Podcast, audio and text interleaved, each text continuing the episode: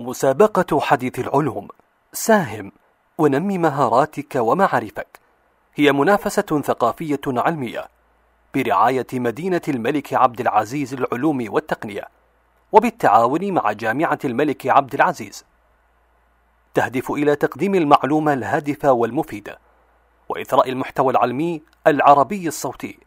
من خلال مهارات الشباب العربي في القراءة العلمية وفنون التلخيص والانتقاء والإلقاء. ونقدم لكم في هذه المساهمة كتاب مدخل إلى عالم الذكاء الاصطناعي من تأليف الدكتور عادل عبد النور ابن عبد النور وهو أحد إصدارات مدينة الملك عبد العزيز للعلوم والتقنية. اسم المساهم محمد العمري. مقدمة الكتاب. كان العديد من العلماء يحلمون بالآلات الذكية منذ خمسين سنة وقد استهوت الناس فكرة الروبوت الذي يقوم بأعمال مختلفة ويحمل الكثير من شؤون البيت أو فكرة البيت الذكي الذي من خلاله يستطيع الإنسان أن يتحكم بالعديد من الأجهزة كالتكييف أو الإضاءات عن طريق الإشارة الصوتية. مع كل ما سبق برز وجود مصطلح الذكاء الاصطناعي الذي كان يتصور أنه من خيال العلمي أصبح اليوم حقيقة أمامنا ولكنه يحتاج الكثير من الدعم المادي. ورغم حداثته كحلم إلا أنه يحظى بتغطية إعلامية واسعة. وفي هذا الكتاب سوف يسلط الضوء على هذا المجال العلمي من أبعاد مختلفة. الفصل الأول من هذا الكتاب تعريف الذكاء. عرف الكاتب الذكاء بأنه علم يركز على صناعة الآلات التي تقوم بتصرفات يعتبرها الكائن البشري أنها تصرفات ذكية. ويهدف هذا العلم إلى جعل الآلات تكتسب صفة الذكاء ويكون لها القدرة على القيام بأشياء مختلفة يفعلها الإنسان مثل التفكير والتعلم والإبداع. ومن أهمية هذا العلم هو تسهيل شؤون الحياة اليومية التي كلما زادت تعقيدا زادت الحاجة إلى اختراع آلات جديدة لتساهم بالرفاهية واليسر. ومن المتوقع أن تحافظ على خبرات الإنسان المتراكمة وتخدم جميع شرائح المجتمع. وهناك عينات من تطبيقات الذكاء. ففي عام 1997 ميلادي بطل العالم في الشطرنج كاسبروف الذي لم يهزم في تاريخه لمدة 12 سنة. لم يستطع الفوز أمام حاسوب يستخدم برنامج ديب بلو وفي عام 1996 ميلادي قطعت سيارة بدون سائق مسافة 2800 ميل من واشنطن إلى سان دياغو. وفي عام 1999 ميلادي أعطت شركة الفضاء الأمريكية القيادة للمركبة الفضائية لنظام من أنظمة الذكاء الاصطناعي. ثم تناول الكاتب في الفصل الثاني عن تاريخ الذكاء الاصطناعي. الأربعينيات وظهور الحاسوب. كان هناك تنافس بين ألمانيا والولايات المتحدة الأمريكية في تطوير الحاسوب وكانت نتيجة للصراع العسكري وفك الشفرات. وفي عام 1941 ميلادي تم اختراع أول حاسوب وهي بداية الثورة المعلوماتية. وكانت شركة آي بي إم هي أحد أكبر شركات العالم في مجال الحاسوب. الخمسينيات وولادة مصطلح الذكاء. الخمسينيات وولادة مصطلح الذكاء.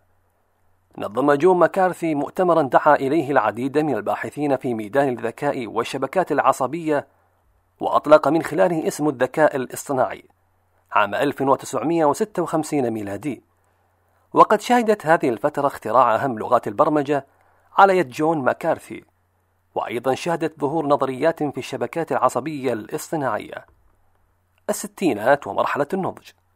في عام 1969 ميلادي ظهر أول رجل آلي يجمع بين الحركة والإدراك والقدرة على حل بعض المسائل السبعينيات والتخصص. ما يميز هذه الفترة هو التخصصات الدقيقة كالشبكات العصبية التي توصل لها الياباني كونوميكو. ومنطق الغموض التي توصل لها لطفي زادة الأنظمة الخبيرة كلغة البرمجة برولوج على يد آلان كولوميرو عام 1972 ميلادي.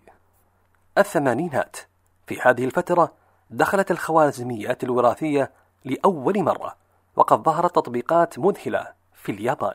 الذكاء والقرن الجديد في عام 1991 ميلادي أعلنت أمريكا أنها استعملت الذكاء الاصطناعي في حرب الخليج في تعبئة الطائرات وتنسيق العمليات العسكرية وقد دخلت تطبيقات الذكاء الاصطناعي حتى المجال الرياضي والترفيهي في عام 1997 ميلادي دارت أول مباراة بين لاعبون روبوتات. وفي عام 2000 ميلادي تطور مجال الروبوتات حتى أنه يباع في الأسواق. ثم تحدث الكاتب في الفصل الثالث عن الشبكة العصبية الاصطناعية الخلية العصبية البشرية. قام عدد من الباحثين بمحاولة تقليد الشبكات العصبية البشرية باستعمال الحاسوب.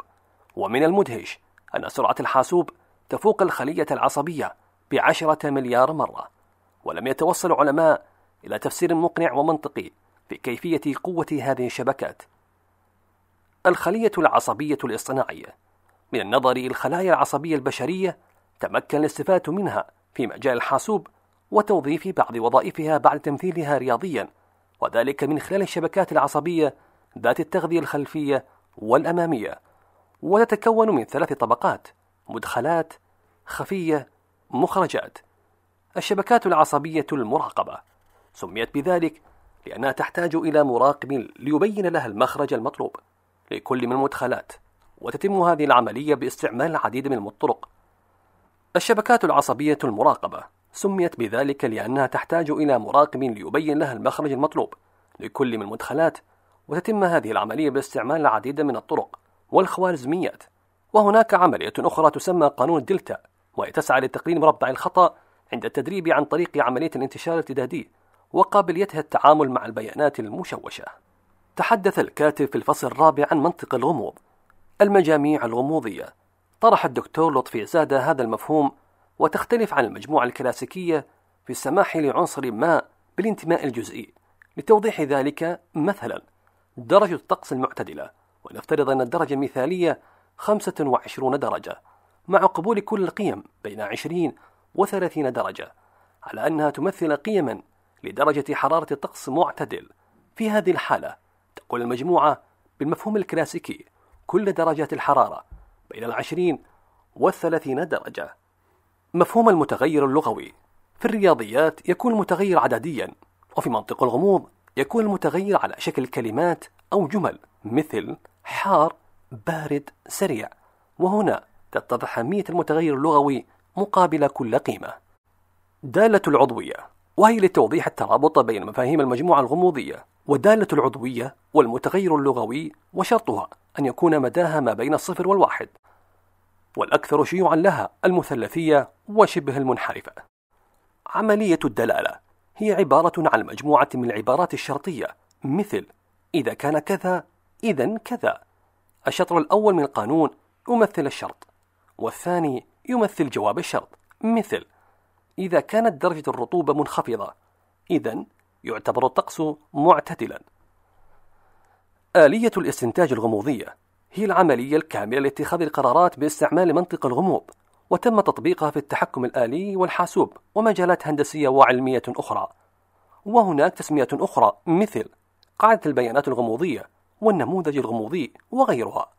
وتتكون من أربع خطوات التغميض قاعدة المعرفة اتخاذ القرار وإزالة التغميض. تطرق الكاتب في الفصل الخامس عن الأنظمة الخبيرة. هو برنامج حاسوبي يقوم بحل مسائل في نظام متشابه للخبير البشري ولا يمكن تطبيقه على مسائل أخرى. قد تم تغييرها مثل تشخيص مرض القلب فإنه يصعب تعديله لتشخيص مرض آخر. ولتطوير أي نظام خبير نحتاج إلى خمس مراحل مهمة وهي تمثيل المعرفة. في هذه المرحلة يحتاج المصمم لتحديد الطريقة التي سيمثل بها القوانين والمعارف التي تحكم مجال العمل. اكتساب المعرفة وذلك عن طريق تجميع القوانين التي تحكم المجال الذي سيعمل فيه النظام الخبير محرك الاستنتاج. بعد اكتساب وتمثيل المعرفة يحتاج المصمم إلى تحديد الطريقة التي يصل بها إلى النتيجة على ضوء المعلومات المقدمة له. الاختبار. يختبر المصمم النظام الخبير للتعرف على أدائه والتثبت من صلاحية الاستنتاج التنفيذ وهي كيفية وضع النظام الخبير في العمل ومتابعته وحتى الصيانة. ثم تحدث الكاتب في الفصل السادس عن الروبوت الإنسان الآلي. استخدمت كلمة الروبوت عام 1921 ميلادي عن طريق الكاتب كاريل كابيك في مسرحية مشهورة روبوتات رسوم العامة. واشتقت الكلمة من روبوت وتعني في اللغة التشيكية العمل الإلزامي. ويمكن تقسيم الروبوتات عبر التاريخ إلى أربعة أقسام. تركيبة الروبوت يتكون من جسم صلب ووصلات صلبة مفاصل للحركة ويكون مجهز بالكاميرا أو أي جهاز حساس كالرادار.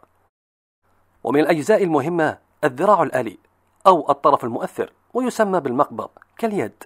وآلية التنقل يتحكم في حركته والإحساس الاصطناعي بكافة أنواعه. نظام الروبوت. مع التطور والطفرة التي نعيشها أصبح إدخال الروبوت إلى الأماكن الصغيرة ضرورة كالمجال الطبي في تشخيص الأمراض والعملية الجراحية. التطبيقات العملية للروبوت. صممت أنواع كثيرة من الروبوتات للقيام بعدد من الوظائف المختلفة كروبوت في المجال الاصطناعي مثل صناعة السيارات وغيرها. أيضا في المجال العلمي كتصنيف الأدوية والخدمات الأخرى كالنظافة وإعداد الطعام الجاهز وحراسة البريد. وفي الأماكن الخطرة التي تكثر فيها الإشعاعات القوية. وفي الفصل قبل الأخير قضايا فلسفية في الذكاء الاصطناعي. هل الحاسوب يفكر؟ ظهر قطبين الإجابة على هذا السؤال. الأول الناقد هيوبرت صاحب كتاب ما لا تستطيع الحواسيب القيام به وهو يرى أن الحواسيب ليست ذكية. والقطب الثاني من أبرزهم مارفين مانسكي وقد كان متفائلا قال خلال عشر سنوات ستحل جميع مشاكل الذكاء الاصطناعي. أيمكن الحاسوب أن يبدع؟ لا شك أن الحاسوب تفوق في ميادين الرياضيات والمنطق ولكن هناك من يرى أن هناك صعوبة في أن يصل الحاسوب إلى درجة الإبداع وبعد صنع أول طائرة أنتهى الجدال. هل يمكن الحاسوب أن يكون مفيدا وغير متوقع؟ الحاسوب مسألة الوعي. يرى العلماء أنه إذا كان عدد الشبكات العصبية كبير ينتج الوعي وذلك حتى تتمكن هذه الشبكات من المحافظة على السلوكيات المعتمدة. فإذا ما وصلت أنظمة الذكاء الاصطناعي إلى درجة كبيرة من التعقيد سيظهر الوعي كناتج ثانوي لهذا التعقيد الحاسوب مسألة البديهة من الصعوبة القيام بتغذية الحاسوب بكل المعارف والقوانين وهو سؤال يطرح هل الحاسوب بقدرة على أن تتسع دائرة معارفه عن دائرة معارفنا؟ فهل هذا ممكن؟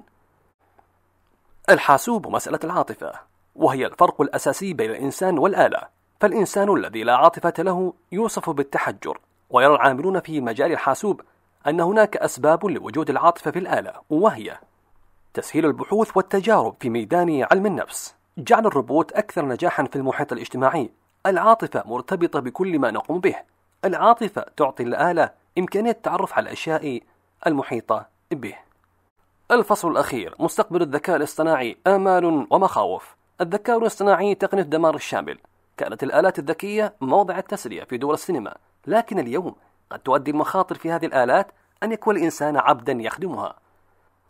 كان القرن العشرون قرن أسلحة الدمار الشامل وقد يكون القرن الواحد والعشرون قرن معلوماتية الدمار الشامل. ونستطيع أن نمثل بهذا قنبلة هيروشيما عام 1945 ميلادي والتي أحدثت دمارا كبيرا وغيرها من الاختراعات. فإذا كانت هذه الاختراعات في القرن العشرين شرا على البشرية فاختراعات القرن الواحد والعشرين أخطر بكثير. يرى كثير من العلماء أنه سيصل لاختراع آلة ذكية جدا قبل سنة 2030 ميلادي. التشاؤم من مستقبل الآلة تفاؤل مفرط بنجاحها. كما يقال الشيء إذا وصل حده انقلب إلى الضد. ليس هناك شك في أن تقنية المستقبل ستمثل تحديا كبيرا للبشرية. المستقبل المظلم الذي يرسمه المتشائمون سيكون حاضرا مضيئا فلا خوف من مواصلة مسيرة العلم والتقنية.